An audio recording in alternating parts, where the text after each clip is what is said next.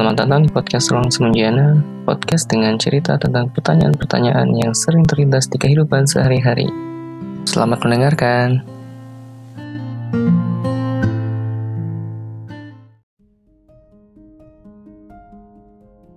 Enggak kerasa ya, sebentar lagi lebaran. Vibes-nya udah kerasa sejak awal puasa. Ramadan dan lebaran membawa banyak berkah, ekonomi rakyat bangkit lagi setelah terpukul wabah global selama setahun lebih. Masjid-masjid hidup lagi setelah tahun lalu sepi aktivitas ibadah. Acara-acara kumpul juga hidup lagi, walau banyak pembatasan yang harus ditaati. Kita bisa sama-sama lihat banyak orang udah berani kumpul-kumpul di tempat makan, pada bikin acara bukber, menghasilkan cuan buat pengusaha tempat makan memberikan kesenangan buat orang-orang yang bikin acara bukber di sana. Pasar-pasar hidup lagi. Banyak orang pergi ke pasar buat beli barang-barang kebutuhan. Harga komoditas meroket. Demand terhadap pakaian kembali meningkat. Strateginya adalah diskon.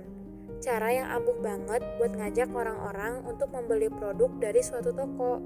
Itu strategi kuno. Ya, selain diskon, potongan ongkir, dan flash sale yang sekarang jadi dambaan orang-orang buat beli barang-barang yang mereka inginkan. Cuma diinginkan aja, belum tentu dibutuhkan. Barang-barang yang dibutuhkan justru kalah sama barang-barang yang diinginkan. Bayangin aja, banyak banget diskon ditawarkan di mana-mana. Dari mulai toko-toko retail sampai e-commerce yang pakai dan menggencarkan strategi diskon ini. Hampir semua barang diberikan potongan harga yang edan. Semakin edan dengan ngajak influencer buat jadi brand ambassador supaya orang-orang mau beli barang yang ada di e-commerce itu. Sadar nggak sadar, strategi diskon ini makin nguatin tradisi konsumtif masyarakat Indonesia yang kayaknya udah mendarah daging. Beli baju baru buat lebaran.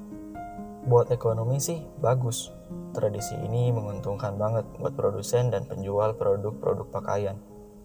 Sebab permintaan dari konsumen tinggi banget untuk produk-produk pakaian kayak baju koko dan gamis. Praktis cuan yang didapat bisa gede banget ketimbang hari-hari biasa.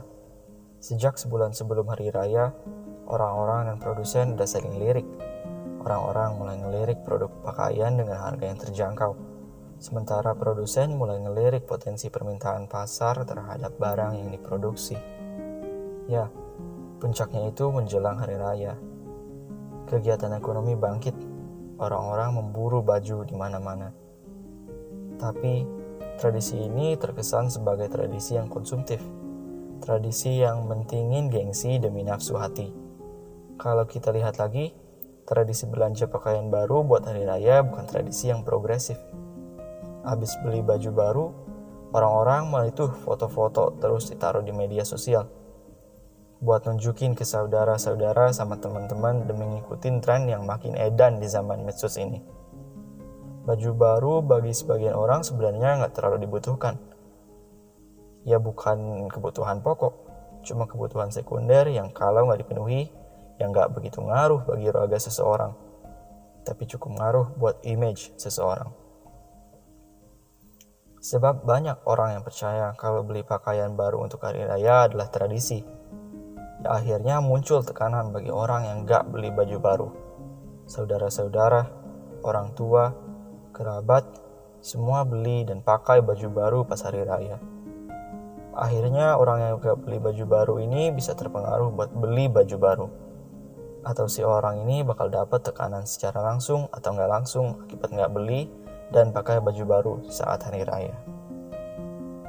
Sampai-sampai ada ungkapan, kalau nggak bisa beli baju baru, berarti bukan lebaran namanya.